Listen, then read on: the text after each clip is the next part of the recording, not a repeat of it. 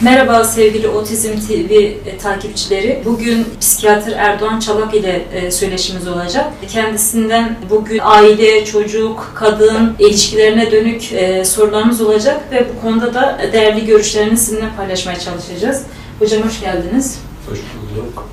Hocam öncelikle genel olarak size gelen hastalardan da gözlemliyorsunuzdur ki bunca yıllık bir meslek deneyimimiz de var. Yani yeni bir dünya düzeni içerisine girdik. E, bu, bu düzen içerisinde biz kadını, çocuğu, aileyi nereye koyabiliriz? Ya da e, önümüz süreç açısından bizi bekleyen neler var? Bu konuda sizin fikirlerinizi almak istiyoruz. Yani yeni dünya düzeni derken galiba kastettiğimiz şey özellikle bu bilgisayar teknolojisindeki gelişmeler, işte sanal medya denen internet üstünden insanların birbirleriyle ilişki kurabil- kurabildikleri geniş bir ağın oluşmuş olması, kadın emeğinin özellikle e, artık dünyada ağır işler makineler tarafından yapıldığı için kadın emeğinin eskiye göre e, çalışma hayatının, üretim alanının veya hizmet sektöründe daha fazla kullanılabilecek bir hale gelmesiyle kadınların da emek piyasasında fazlasıyla oldukları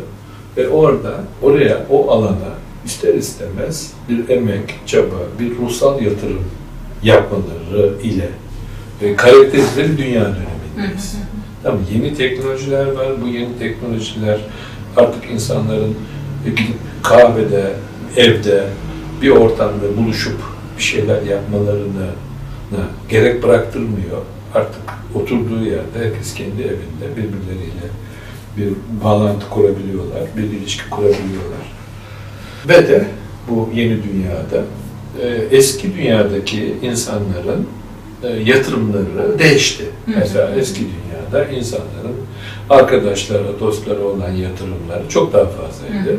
Şimdi oyun arkadaşlığı veya işte belli bir e, alanda ortak zevklere, ortak e, hobilere sahip olmanın oluşturduğu, sadece o işi yapmak üzere bir bir araya gelen, aslında birbirini tanımayan, aslında birbirinin hayatını da ne olup ne bittiğiyle katiyen ilgilenmeyen, tamam mı? Zaten birbirine de böyle bir bilgi vermeye ihtiyaç duymayan bir ortam oluştu. Yapay bir ilişki tarzı oluştu diyebilir miyiz hocam? Tabii yani şimdi eskiden insanların gelecekte bir e, sağlam bir aile kurabilmeleri için gelecekte kalıcı, e, uzun süren sevgi ilişkileri oluşturabilmeleri için ilk önce arkadaşlık, dostluk ilişkilerini götürebilecek insanlar olmaları beklenirdi veya çocuklar büyüme çağında belli bir yaştan itibaren arkadaş ilişkilerini yönlendirirlerdi. Okullarda çocuklar birbirleriyle arkadaşlık ederlerdi.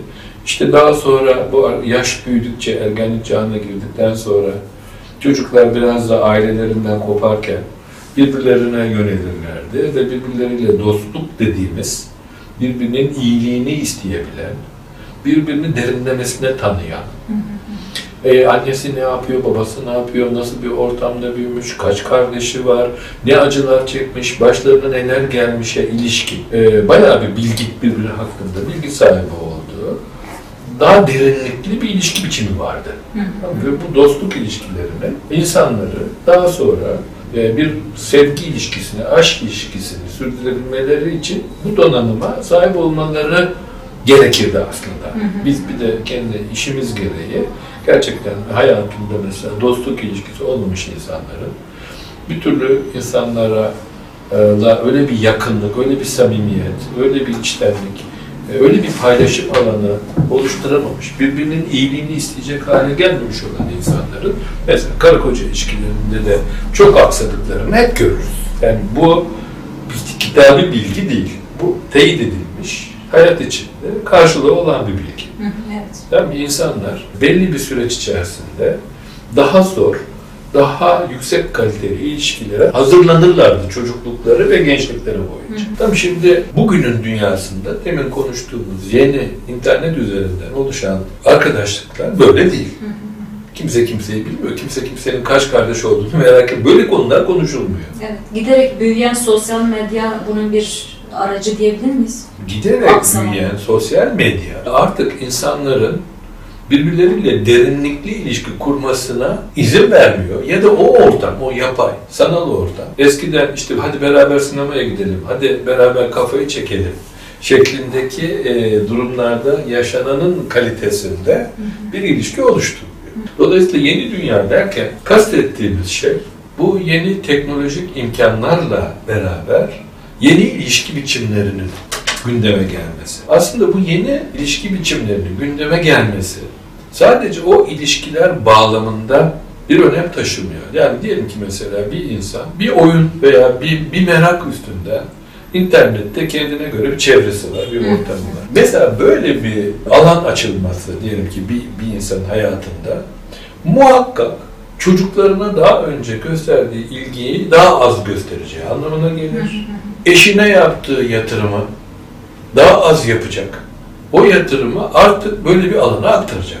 Tam eskiden mesela insanlar mesela diyelim ki takım tutar, tutar ve işte takımlarıyla şehir şehir dolaşan insanlar ve maç meraklısı falan. Muhakkak e, o takımının maçını e, önce radyodan sonra televizyondan veya stada giderek izleyen falan insanlar veya ne bileyim at yarışı falan meraklıları.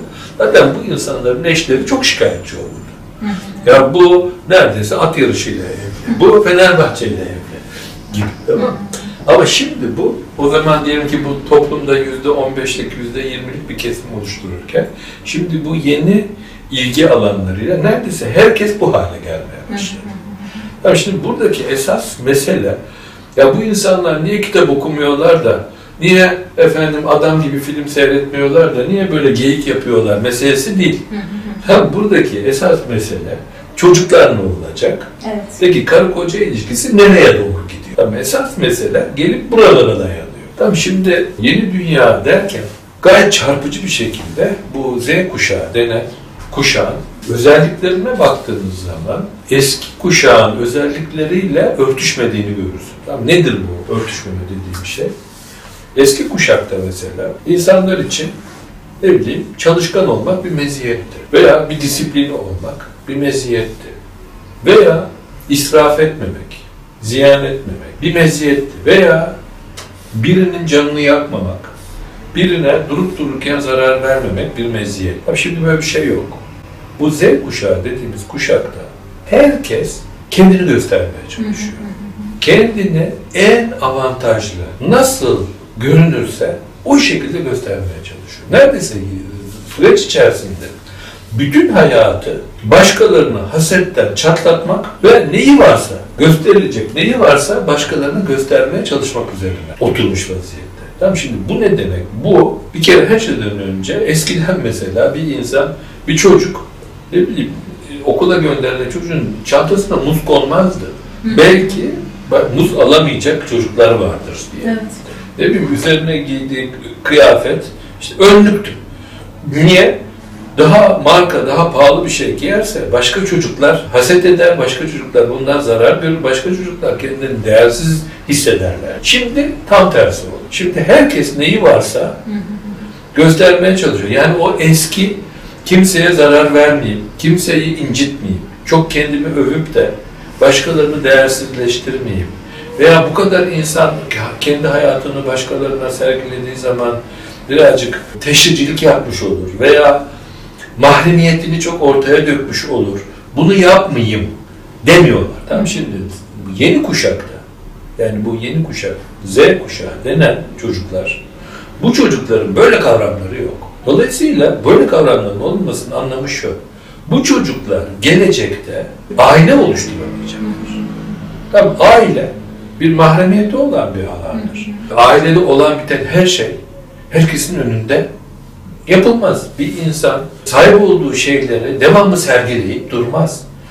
E, aile dediğimiz sistemde insanlar en zayıf olanı en çok korumaya çalışırlar. İçlerindeki ebeveynler çocuklarına yönelmiş bir iyilik duygusuna sahip olmadan sistemi aileye dönüştüremezler. Tamam kümes olur, bilmem efendim e, birçok insanın bir arada yaşadığı bir yer olur veya herkesin ayrı bir odada e, kendi internet üstünden kendi dünyasına eriştiği, aralarında hiç ilişki olmayan bir şey ol ama bunun adı aile değil. Şimdi giderek adı aile olan ama aile olma işlevini kaybetmeye başlamış olan bir yeni kurum oluşuyor. Hı. Tamam mı? Yani be- be- belki bunu işte denebilir ki bugünkü dünyanın bu sorunlu çocukları aslında böyle bir sistemden çıktıkları için bu kadar sorunlular. Yani bu çocukların anneleri babaları da işi gücü bırakmışlar. Facebook'ta, Instagram'da, TikTok, TikTok falan bir şeylerde zaman geçiriyorlar. Yatırımları oraya kaymış vaziyette. Çocuklarını birer projeye dönüştürmüş durumdalar kendi çevrelerinde. Bilmem ne okulu muteber bir okulsa o ço- okulda çocuklarını oraya göndermeye çalışıyorlar borç harç. Bir kadın evine koltuk alacaksa arkadaşları ne almış, ne yapmış onlara bakıyor. Nereden almışlar falan. Onları takip ediyor ve onların da onların yaptığından daha iyisini yapmaya uğraşıyor. Koltuğu onun için alıyor. Evet, kendi durumunu gözetleyerekten yapılan, planlanan bir hayat tarzı değil de başkasına göre planlanmaya çalışılan, başkası odaklı. Yani buna şey diyebilir miyiz? Biraz böyle e, kendini teşhir etme üzerine gelişen aynen bir var diyebilir miyiz? kendi ekonomik gerçeklikleri üzerine oturtmuyorlar. Tamam? İçlerinde bulundukları sosyal ortamda avantaj sağlamaya çalışıyorlar.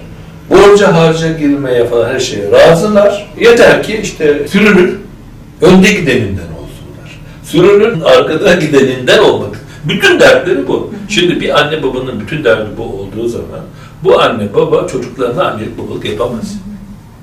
Zaten bu insanların yatırımı aileden çekilmiş, ailenin imajına yatırım yapmaya başlamış olurlar. Tamam mı? Yani ne deniyor? İtibardan tasarruf olmaz zihniyetiyle tamam mı? İtibarı arttırmak için neleri varsa ona harcıyor. Hatta borç harcar giriyor. Evet, doğru. Ama tabii memleketin hali tabii değil mi? Ne kadar her şey uyumlu.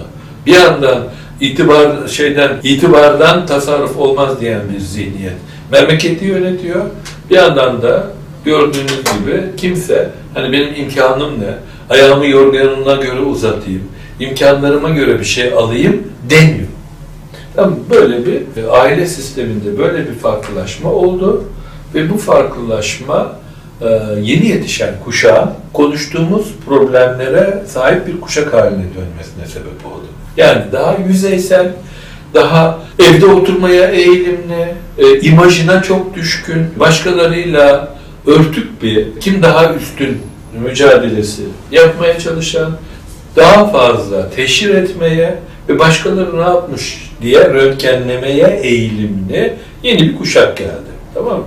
Şimdi bu kuşak mesela eskiden insanların yatırım yaptığı bazı alanlara hiçbir yatırım yok. Mesela eskiden diyelim ki insanların kendi kültürlerine bir yatırımı vardı. İşte folklor öğrenmeye öğrenmeye çalışırdı çocuklar kendi bölgelerinin, yörelerinin e, ne bileyim Çalgıları. çalgıları, Evet. müziğiyle, folklorunu Evet. e, merak ederlerdi. Kendi kültürel kökler, köklerine ilişkin e, onları öğrenmek için bir çabaları olurdu. Şimdi bunların hiçbirisi kalmadı. Tamam mı? Bunu, bunların e, yerine bilmem ne marka ayakkabı almak, bilmem vegan olmak, bilmem ne olmak falan gibi başka şeyler almaya başladı.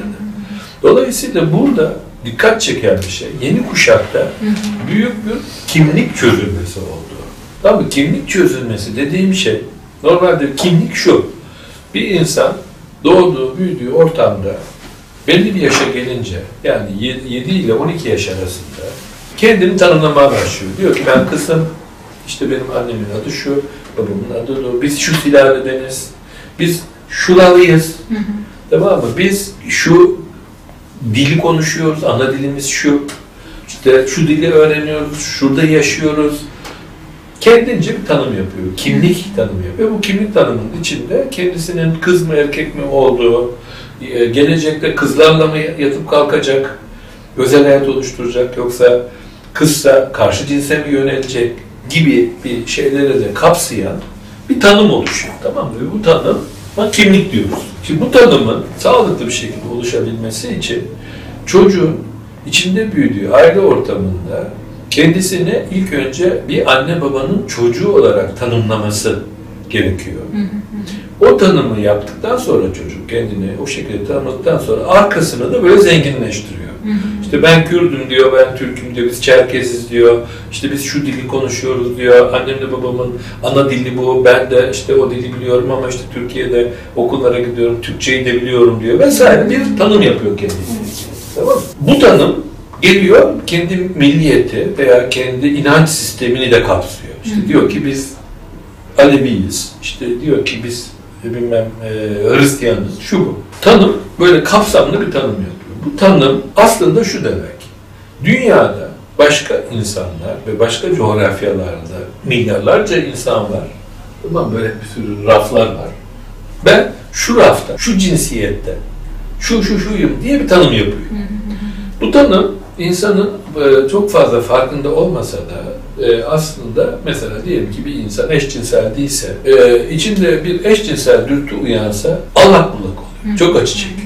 Tamam? Neden? Çünkü kendi kimlik tanımına uymayan bir şey ortaya çıkınca kişi bundan büyük rahatsızlık duyuyor. Yani kimlik dediğim bir şey yüzeyde bir şey değildir. Derinlere inen bir şeydir ve insanın kimliğine saldırı. İşte diyelim ki mesela bir insan Kürt, Kürtçe konuşması e, onun için bir yaptırım konusu oluyorsa mesela onun içinde bu muazzam bir öfke. Tamam? Eğer böyle bir kimliğe sahipse, bu kimlik yazıldıysa.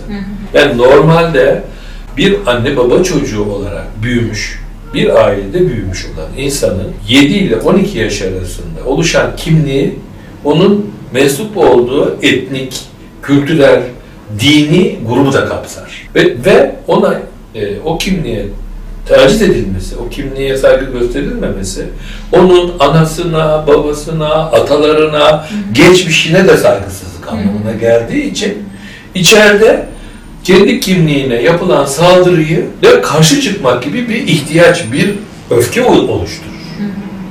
Tamam mı? Şimdi bu kuşakta bu kimlik yok. Çünkü hocam şey diyebilir misin söylediklerinize bağlantılı? E, Şimdi sizin söyledikleriniz kendine yabancılaşmamış bireylerin e, buna dönük bir refleksi olabilir. Kendine yabancılaşma denen şey annesizlik, babasızlığın bir sonucu. Yani kendine yabancılaşma, yabancı şimdi insan çocukları suçlamak kolay. Efendim e, bunlar eskisi eski bizim gibi değiller. Bunlar umursamaz. Hiçbir şeyi dikkate yahu bunların sen bunu dikkate alıyorsa sen bir anne baba çocuğu olmuşsun. Bir ortamda korunmuşsun, kollanmışsın, yedirilmişsin, içirilmişsin, okutulmuşsun.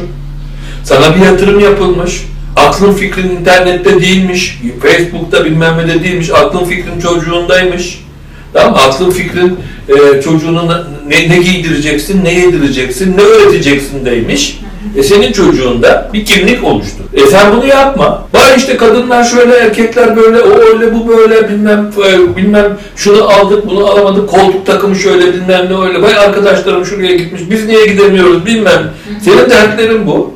E bu çocuk o zaman anasız babasız bir çocuk olarak bu kadar olur kimliği. Tamam, bizim burada çok hakikaten insan bunu tanıklık ettiği zaman gerçekten üzülüyor. Geliyor bu kuşak çocuklar 15, 16, 17, 18 yaşında çocuklar geliyor. Bir anlat tanıt kendini diyorsun.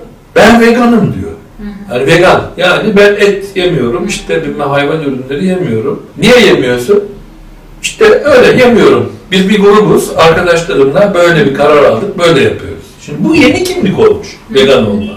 Peki kızım anlat, annem baba, ya işte onlar her şeye karışıyorlar. Onlar işte onlar gönderdiler beni.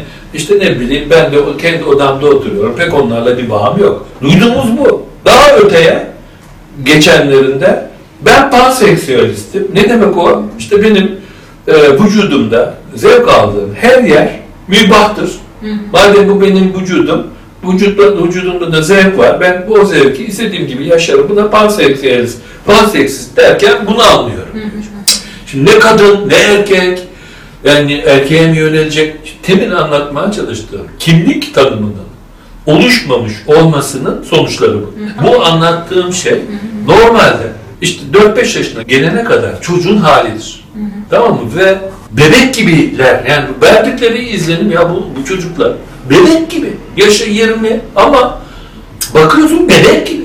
Çünkü daha kimliğin oluşmadığı çağlarda kalmış gibiler.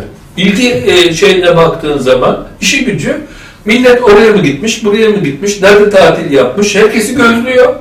Hababam da kendiyle ilgili başkalarına şuraya gittim, buraya gittim, şu yemeği yedim mesajı veriyor. Yani burada şimdi bakıyorsun anneyle babayla içinde yaşadığı ortamla bir ilgili bir meşguliyeti yok ki. Niye olsun kendi etnik grubuyla ilgili meşguliyet? Daha anasıyla babasıyla ilgili meşguliyeti yok. Tamam şimdi bu bana sorarsa benim gördüğüm önümüzdeki dünya için en büyük tehlike bu. Şimdi diyorlar ki efendim Z kuşağı öyle milliyetçi değil ve M- Z kuşağı öyle savaş mavaş yapmaya niyeti olmayan bir kuşak. Dünya vatandaşı gibi. İşte bunlar büyüdükleri zaman dünyadaki bütün problemleri çözecekler. Hayır. İnsancı daha hümanist bir Hayır. şey. Hiç de hüman- hümanist falan değiller. Evet. Öyle bir acımasızlar ki birbirlerine karşı. Birbirine hasetten yerlerine yapıştırmaya çalışıyorlar. Ve başkalarının gösterdikleriyle yerlerine yapışıyorlar. Ortada öyle dendiği ki kendini kandırmak bu. Yani bir bebek ne kadar melekse, bebek dediğin aslında gücü olsa bütün dünyayı yer yutar. Tam bebeğin öfkesi insan hayatının en öfkeli durumunu ifade eder. Dolayısıyla burada bu Z kuşağı denen kuşak yani gerçekten e, giderek bir kimliği olmayan, e, sürüklenen, her dışa bu sosyal medyadaki her eğilimi, her artı, mesela şöyle bir şey söyleyeyim. Mesela bundan 5 yıl önce sokakta benim köpeğim var. Sokakta köpek gezdirirken tamam biz insanların yarısı birazcık ürker, biraz rahatsız olurdu. Ve de sıkı tutardım ki birisi korkmasın, birisi rahatsız olmasın. Şimdi mesela son 6 aydır, bir senedir köpek sevmek, hayvan sevmek bir artı olarak tanımlanmaya başladı. Evet. Yani bir statü olarak sanki. Bir statü olarak köpek seven olmak, vegan olmak, bilmem ne olmak gibi bir artı. Ne oldu? 5 yılda insan tabiatı mı değişti? O kadar etkiliyor insanların şey, yaklaşımı.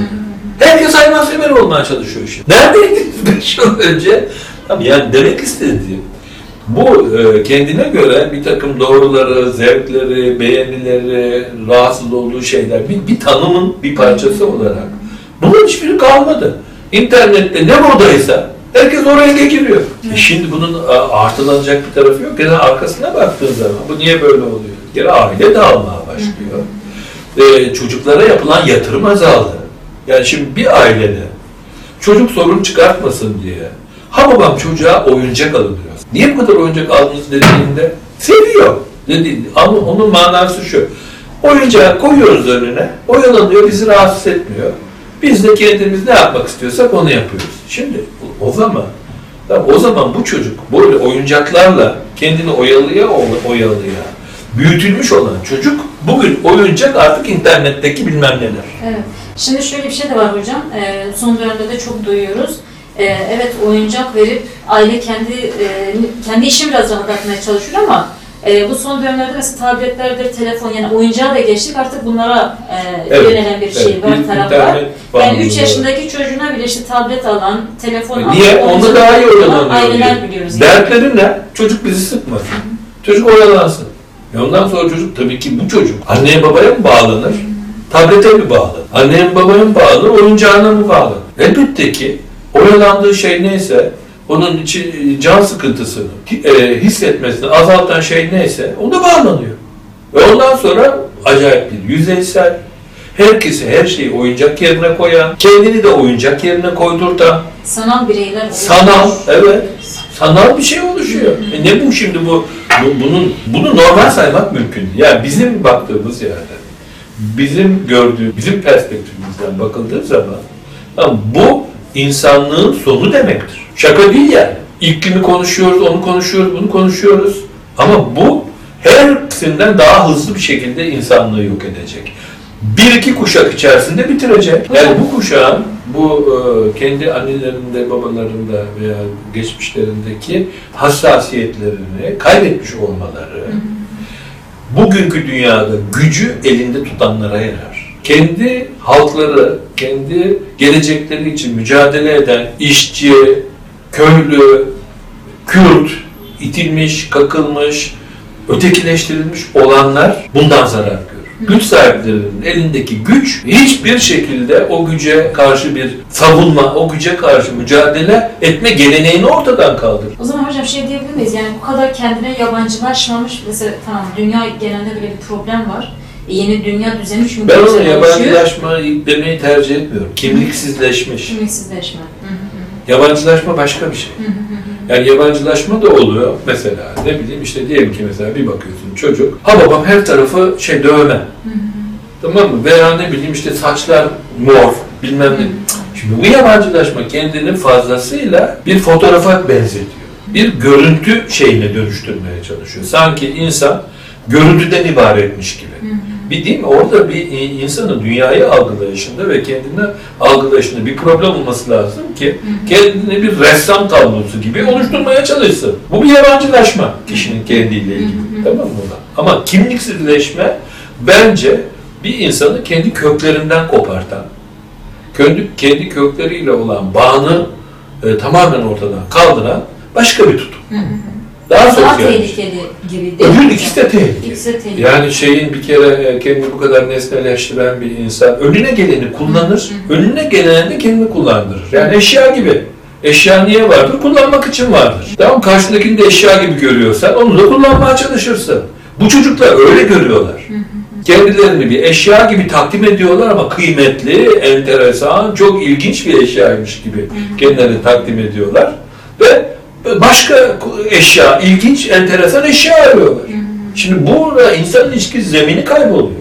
Ya bu da mesela doğru ilişkilenmemenin getirmiş olduğu sonuçtur diyebilir miyiz hocam? Evet. Çünkü doğru ilişkilenememek mesela birbirlerinden ya da Hayır, hepimiz anamızdan, babamızdan aldığımızı önce kardeşlerimize, sonra arkadaşlarımıza, sonra daha geniş bir sosyal çevreye içinde o aldıklarımızı dönüştüre dönüştüre o aldıklarımızla kendimize bir dünya kurarız. Burada alınan bir şey yok. Onu anlatmaya çalışıyorum. Burada esas problem aile sisteminin e, bu hale gelmiş olmasından kaynaklanıyor. Bu çocukların bir kabahati yok. Bağlanamayan, anasına bağlamasına bağlanamayan bir insanda ne bekliyorsun ki? Oyuncakla ömrünü geçiren. Tamam bir de mesela şey e, günümüzün dünyasında neredeyse her problem parayla çözülür zannediliyor. Halbuki bu dünyada parayla sadece oyuncak alınır ya. Sevgi parayla alınmaz. Dostluk parayla alınmaz. Aşk parayla... Bunlar unutuldu. Hep parayla alınan şeyler ö, ön planda. E, elbette ki bu dünyanın çocukluğunda yetişen çocuklar da elbette böyle olur. Eşya gibi olurlar. Peki hocam yani bunun temel şeyi hani dedik ya çocuk sonuçta çocuğu yetiştiren de işte doğru bir e, kadın erkek ilişkisinin oluşmasıyla oluşabilecek ortaya çıkacak bir şey. Yani siz bunu nasıl tanımlıyorsunuz? Yani doğru bir kadın erkek ilişkisi nasıl olmalı? Somut olarak nasıl bunu tanımlayacağız? Çünkü Yani şu, böyle yani çok yoğun bir karmaşıklık varmış gibi hem Yani şöyle diyeyim, yani baktığınız zaman dünyada bugün diyelim ki bir hak mücadelesi Hı hı. yapan kuşak, e, ne bileyim buna sendikacılar, işte ne bileyim işte insan hakları savunucuları hı. veya aktivistler, kadın hareketleri. kadın hareketleri veya siyasi hareketler Hı hı. bu çerçeveyi oluşturmuş olan kuşağın içinde büyüdüğü aile sisteminin özelliklerine bir bakalım. Tamam mı? Bugün temin Z kuşağı deyip Hı hı. perişanlık diye benim neredeyse nitelendirdiğim e, durumun e, aile koşullarına bakalım. Belki daha anlaşılır olur. Şöyle bir şey demeye çalışıyorum. Eski dünyada kadın ve erkek kadın kimliğini, kadın rolünü, erkek erkek kimliğini ve erkek rolünü yerine getirmeye uğraştıkları bir şekilde büyütülürdü. Tamam mı? Erkek çocuğu mesela dış dünyanın gerçeğinin altından kalkması, bir iş güç sahibi olması ve o iş güçle kazandığı parayla çoluğunu çocuğunu büyütmesi, kimseye muhtaç olmadan yaşaması Hı hı. Diye bir şey hedeflenirdi. Bir. İki, erkeğe ileride kurduğu ailenin dış dünya karşısında savunulması ve maddi olarak ayakta durmasının sorumluluğu Hı hı. yüklenirdi. Kadından da çocuklara büyütmesi, çocuklara annelik yapması, Hı evi yaşanılabilir tutması, evde yenen içenin çocuklar için besleyici, onların sağlığını, hastalanmadan yaşamalarını mümkün kılacak şek- şekilde yapmaları Bunu beklenirdi. doğru dizayn eden. Şimdi böyle bir kadının kendi avantajlarını maksimumda kullanabileceği, erkeğin kendi avantajlarını maksimumda kullanabileceği bir kadın ve erkek kalıbı vardı. Tamam mı? Ve o kalıbı uygulamaya çalış iyi uygulayıcı, uy- uygulayıcılarında yani bunu böyle gerçekleştirebilmiş olanlarda kadın erkeğin gözünde saygın, tam kaliteli, e, dış dünyanın tacizkar, rahatsız edici e, ögelerine karşı korunması gereken, kadının nezdinde de erkek güçlü, çoluğunu çocuğunu kendinden önce düşünen, onları korumak için hayatını ortaya koyan bir varlık olarak tanımlanır. Tamam mı? Ve insanlar birbirlerinden bunu bekler. Mesela eskiden kadınların mesela e, evlenmeden önce çok fazla erkekle beraber olmuş olmaları erkekler için bir sorun olurdu. Çünkü erkek bir kadını hayatının merkezine aldığında onun için ölmeyi göze alacak şekilde ona yönelir. Bu durum kadınla erkeği birbirini tamamlamaya etmiştir. Yani kadınla erkek arasında bir rekabet, bir mücadele, bir üstünlük derdi yok. Yani elmalarla armutlar. Elma ile armut hangisi üstün diye kıyaslanmaz. Elma başka bir lezzettir, başka bir şeydir. Armut başka bir şeydir. Onlar iki elma birbiriyle kıyaslanabilir. iki armut birbiriyle kıyaslanabilir ama elma ile armut kıyaslanmaz. Değil mi? Matematik bunu söyler. Şimdi burada erkekler ve kadınlar birbirleriyle kendilerini kıyaslamadıkları için birbirleriyle işbirliği içinde ve birbirlerini tamamlayarak var olmaya çalışırlar. Öyle olunca kurulan aile sistemi daha güçlü. Tamam mı? Ve insanlar birbirlerini tamamladıklarında birbirlerine hem bağlılıkları artar hem birbirine benzemeyenin bir e, dürtüsel çekimi birbirine benzeyenden çok daha fazladır. Tamam mı? Tabiattan. Sadece insanda değil, bütün canlılarda. Dolayısıyla kadınla erkeğin farklı olması ikisi arasındaki dürtüsel çekimi de arttırırdı ve daha aşkın yaşandığı bir dünya halindeydi. Ocağı. Tamam mı? Şimdi bir kere burada bence şöyle bir şey oldu. Kadınlar, Yani artık erkekler, mesela çok net görüyoruz biz bunu. Artık erkekler kadınlara eskisi gibi yatırım yapmıyorlar. Bırak uğruna ölmeyi, öf ben deyip başka birinin peşinde hemen koşuyorlar. Kadının bir şeyi kalmadı erkeğin dünyasında. O kadar kolay erişiliyor ki kadınlara. Barlar bilmem neler, o erişilecek veya ne bileyim bir sürü internet siteleri. Değil mi? Evet evet. E Şimdi böyle bir dünyada yani hangi erkek gideyim de bunun uğruna öleyim der ya. Ama şimdi bir de işin garibi şöyle bir şey var. Kadın ruhu da gerçekten kahramanı sever. Kadın ruhu kimde bir kahramanlık kokusu alıyorsa ona aşık olur. Ulan nasıl bir şey bu? Hem kahramanları öldürdünüz, bitirdiniz. Hem kahraman arıyorsunuz. İşte bu orta, ortadaki bu böyle hakikaten e, şey gibi böyle yaramaz çocuk gibi dolanan saçıyla, başıyla, havasıyla, cıvasıyla yani gerçekten yatırım yapılacak bir vasıfları. Üç gün sonra sıkılırsın. Yani dünyanın hali gerçekten insanların birbirine bağlanabileceği, aşkla birbirlerine yönelebilecekleri bir durumda olmaktan çıktı. Her iki cinsin de kendini koruyam, kendi doğasını koruyamadığı bir düzeye geldik diyebilir miyiz hocam? Ya bence şunu bir oturtmak lazım. Kadın erkek eşitliği denen şey. Sanki ikisi ikisi aynı şeyden bahsederlermiş gibi bahsediliyor. Yani bir kere burada elbette ki kadın hukuk karşısında erkekten e, eşittir. Hatta daha zayıf olduğu için daha fazla korunması gerekir çocukların ve kadınların. Yani bu başka bir şey.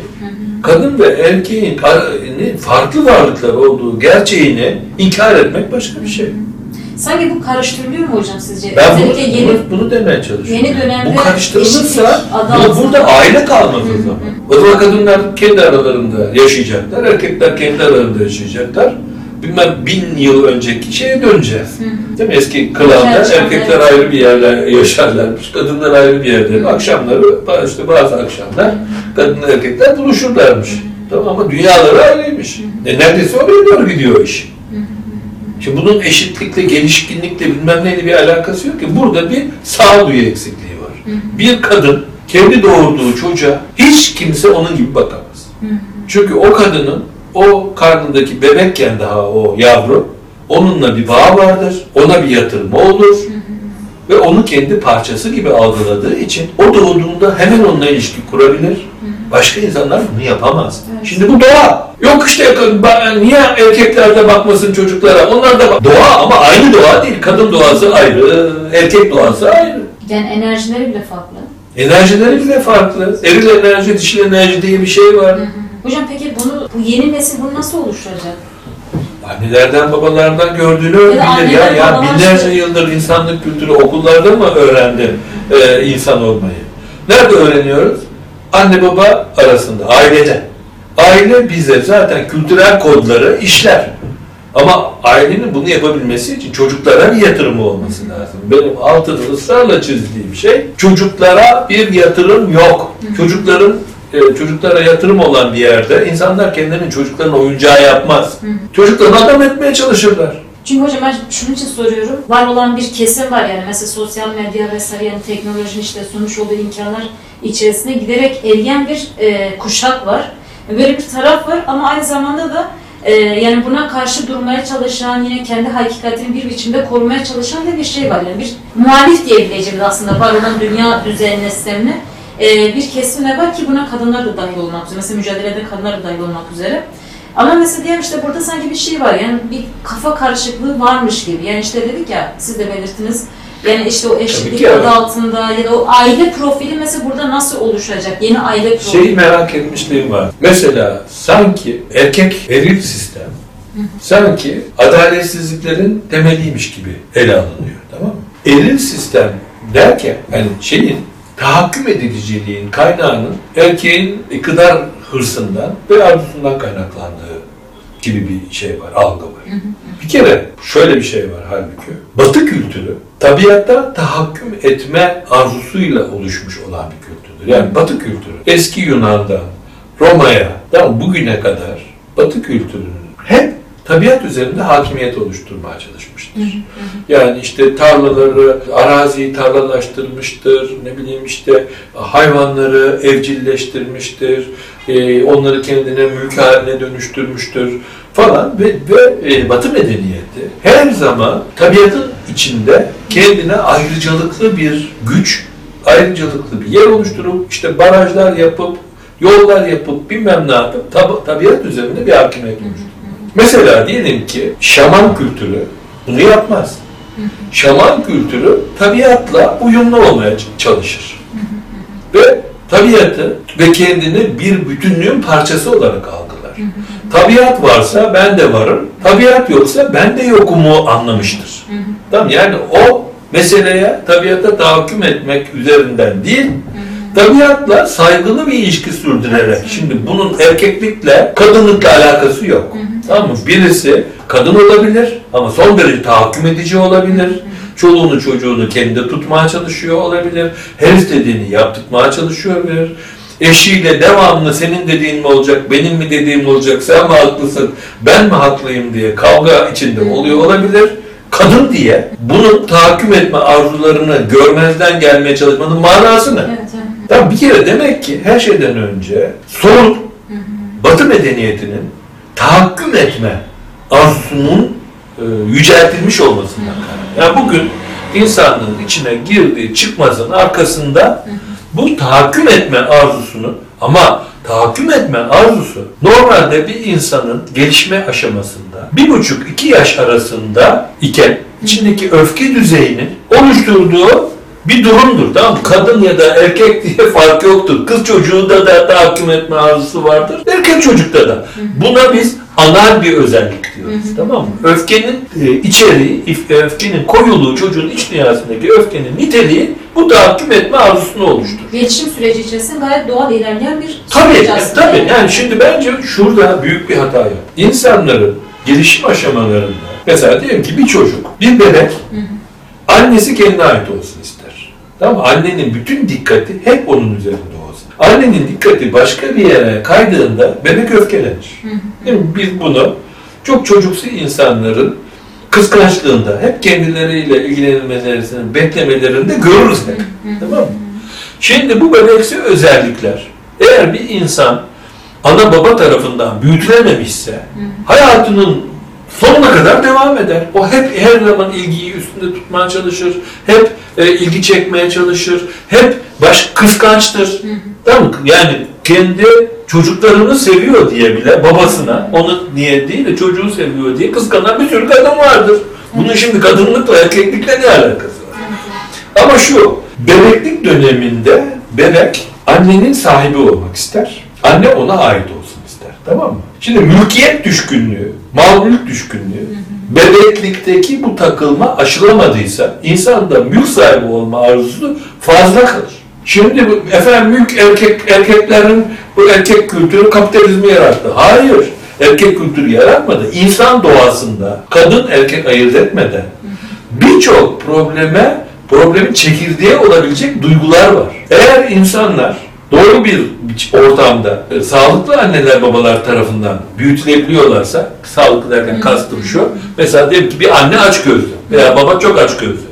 Bu, bu insanın yetiştirdiği çocuk aç gözlü olur. Bir insanın önce kendinin bir problemi aşması lazım ki çocuğunun da aşmasını sağlayabilsin.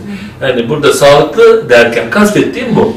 Anne baba eğer çocuklukta, bebeklikteki ve çocukluktaki problemleri geride bıraka bıraka büyüyorlarsa ortaya son derece sevebilen, eşine, çoluğuna, çocuğuna, etrafına, çevresine olabildiğince hayırlı bir katkıda bulunmaya çalışan, e, yanlış yapana da tepki veren, adalet duygusu sahibi bir insan çıkar ortaya. Bunun kadını erkeği yok. Tamam mı? Kadın da böyle büyürse e, bu noktaya gelir.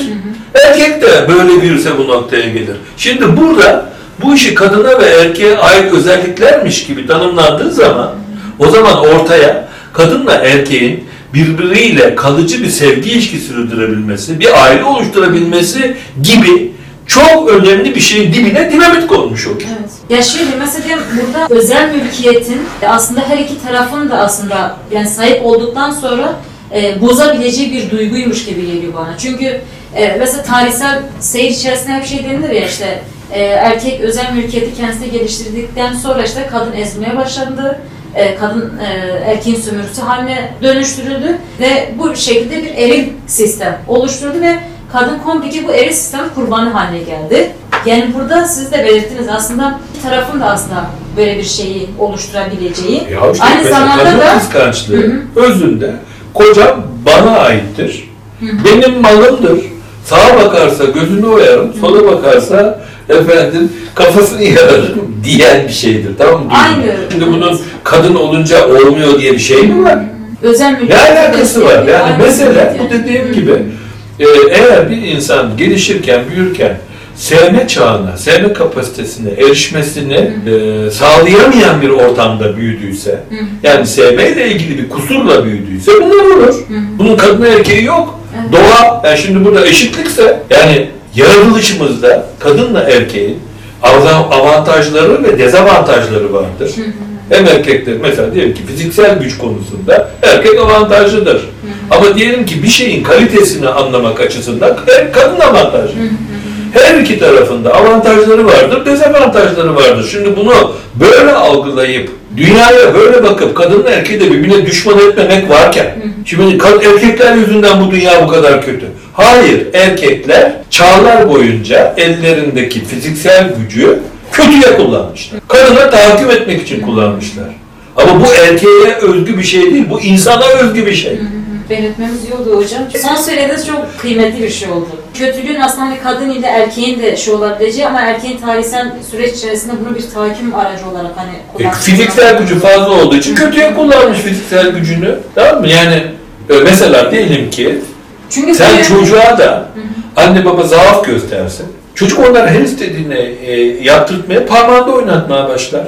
Yani sen bir varlığın e, henüz kişilik gücü ve özellikleri suistimal etmeden elindekini doğru kullanma aşamasına gelmemişse ister erkek olsun, ister çocuk olsun, ister köpek olsun, ister kadın olsun tamam mı? O zaman ortaya sorunlar çıkar. Şimdi bu pandemi vesaire yani bu tür yani zorlu bir süreçten geçtik aynı zamanda da. Ee, herkesin bir biçimde etkilendiği bir süreç oldu. Yani işte hayat koşullarımız, işte şartlarımız da buna göre değişti ve yeni bir yaşam tarzı içerisine girdik. Yani iş ortamlarından tutan insanların işte birbirine olan ilişkileri vesaire. Yani tamamen e, yani alışveriş yaparken bile nerede şey olduk yani para alışverişi bile yapa- yapamayacak bir şeye geldik. Mesela işte temassız kartlar vesaire. Yani bu giderek mesela işte çocuklar mesela bir süre okula gidemediler, insanlar işte kendi evlerinde izole bir biçimde yaşadılar. Yani komplike sanki temassız bir şey oldu. Ee, bir yaşam tarzı oluştu bu süreç içerisinde. Ama bundan e, evet bir kesim bundan rahatsız oldu. İnsan ruhsal anlamda insanlar bundan çok da etkilendi. Ama giderek bunu hayatında normalleştirmeye çalışan bir şey de varmış gibi. Bir e, alışkanlığa dönüştüren bir yaşam tarzı da oluşuyormuş gibi. Mesela ben bunu da sormak istiyorum. Yani bu kadar e, ilişkilerin kısıtlandığı, işte temassız bir iletişim haline geçtiğimiz, geçtiğimiz bir dönemde bizi bekleyen tehlikeler nelerdir yani? E, çünkü zaten iletişim problemlerimiz var. İşte bu sosyal medya, işte teknolojinin işte bize sunmuş olduğu şey araçlarla vesaire. Ama giderek bu e, işte pandemi süreciyle birlikte e, daha da e, pekişen bir hal aldı. E, yani burada insanlık Bak bir ne kere pandemi sürecinde Ne olacak yani? yani benim gördüğüm çok fazla korkmuş olan Hı hı. hastalıkta ve e, neredeyse işte paranoya düzeyinde Hı. bir e, ar- arka planda kendine güvensiz hissetmenin e, paranoya düzeyinde göründüğü bir sürü durum var. Hı hı. Yani bir sürü insan çok fazla korktu hastalıktan. Hı hı. Evlerinden dışarı çıkmadılar, çocuklarını bırakmadılar Hı hı falan. hı. Şimdi burada bir kere şu var. Bir kere demek ki insanların bir kendilerinin başına çok kötü bir şey gelecek gibi bir beklentileri var. Ve hastalığında o çok beklenen, korkulan kötü şeyi temsil ettiğine dair bir farkında olunmayan bir altyapı oluşmuş. Tamam mı? Bu niye olur? Bir kere bu eğer insanlar sürekli birbirlerinin hasetini kaşıyarak, birbirlerinde haset duygusu oluşturarak yaşıyorlarsa, insanlar haset duygusunu hissetmezler. Ama hep kötü bir şey olmayı bek kötü bir şeyin olacağını beklemeye başlarlar. Sanki bilinçaltında hasetlerinin oluşturduğu günahı ödeyeceklermiş gibi bir tedirginlik içinde Bir cezaya kere bir cezaya maruz kalacaklarmış gibi bir duyguyla hep en kötü şeye e, olmuş gibi algılamaya başlarlar. Mesela bunu Batı toplumlarında da yok Saddam'la Amerika savaşıyor. Hayda millet e, gidiyor kendine sığınaklar yaptırıyor, bilmem ne yaptırıyor, bilmem ne yaptırıyor. Ne bileyim işte bir şey, bir sorun çıkıyor. Hayda bakıyorsun bütün insanlar yıllarca yiy- yiyip bitiremeyecekleri şeyleri depolamaya başlıyorlar falan. Yani bir Böyle bir tedirgin durum var. Şimdi bu tedirgin durumun bir kısmı e, insanlardaki hasetin kaşınmış olmasından kaynaklandığını söylüyorum. Hı. Bir. iki insanların aslında devletlere, otoriteye, teknolojik gelişmeye ilişkin büyük bir korkuları var. Bunun, bu teknolojik gelişmenin ve devletlerin elindeki veya şirketlerin elindeki güçlerin Hı hı. insanların aleyhine kullanılacağına dair bir sezgi var. Hı hı. Tamam mı? Yok işte aşı olacaksın, mikroçip koyacaklar. Yok efendim Microsoft bizi şöyle dinliyor. Apple şunu yapıyor, bunu yapıyor diye. Demek ki bir kere dünyada teknolojinin güç sahiplerinin eline verdiği gücün kötüye kullanıldığına dair bir sezgi var. Hı hı. Bunlar da ayrıca yanlış olmayabilir. Ya Onu söyleyecektim yani bunlar aslında Bunlar muhtemelen bu, bu boşuna değil. Tamam mı? Çünkü en azından devletlerin bunu yaptığını biliyoruz. Nasıl dinlemeler yaptıklarını, nasıl gözlediklerini, bilmem ne yaptıklarını görüyoruz. hayatımızın her Dolayısıyla bu devletler, yani bence teknolojinin gelişmesiyle beraber ellerindeki güç arttı ve bu güç denetimsiz olduğu için gerçekten insanlık için bir tehlike oluşturuyor Hı hı. ve o tehlikede kendine bu kanallara kayıyor.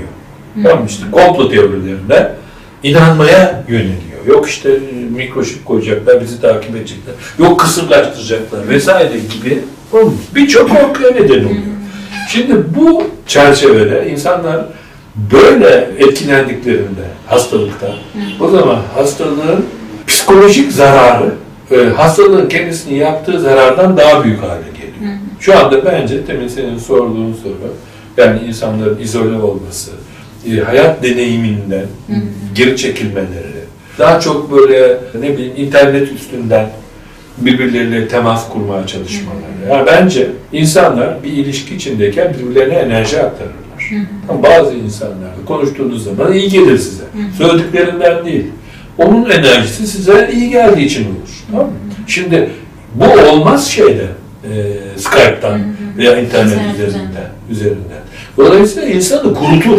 Ama işte o kadar böyle bir harara gürere, o kadar toz, duman, her şey birbirine karışmış vaziyette ki bunları insanların duyup bunun gereğini yerine getirmeleri mümkündü. Çünkü korku ağır basıyor.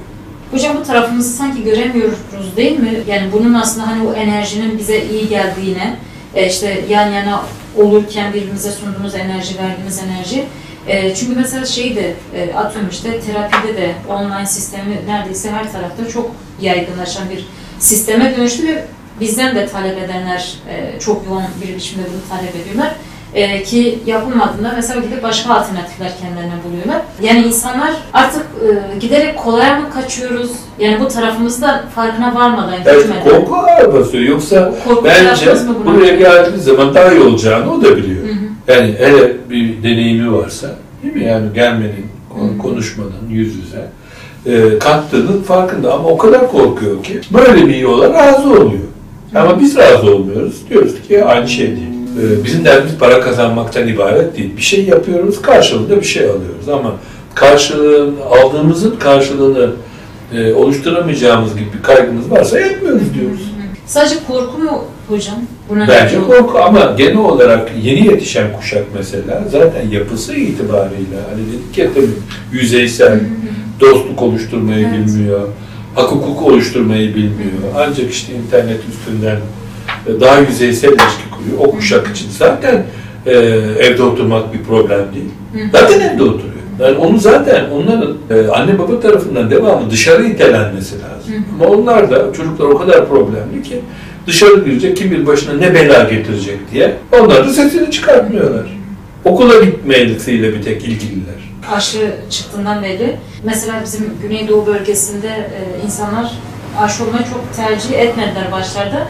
E, çeşitli kampanyalarla vesaire e, bu son dönemlerde biraz böyle yaygınlaşmaya başladı ama hala insanlarda e, tıpçı olarak da aynı zamanda fikrinizi. Yani bence bunlar gerçekten aman ha, kısır kalmayalım derken virüsten kırılmaya sebep olabilecek şeyler. Dolayısıyla tabii ki yani aşı olsun insanlar. Yani dünyada bin tane melanet var. Birazcık yüksek teknoloji bilmem ne bilmem ne yüzünden. Hı. Arada bir de bu teknolojinin bir faydası var. Hı. Onlar bu da aşı da onlardan biri. E, hocam değerli fikirlerinizi bizimle paylaştığınız için çok teşekkür ediyoruz. Rica ederim. E, Teşekkür devamını bekliyoruz. İnşallah tabii.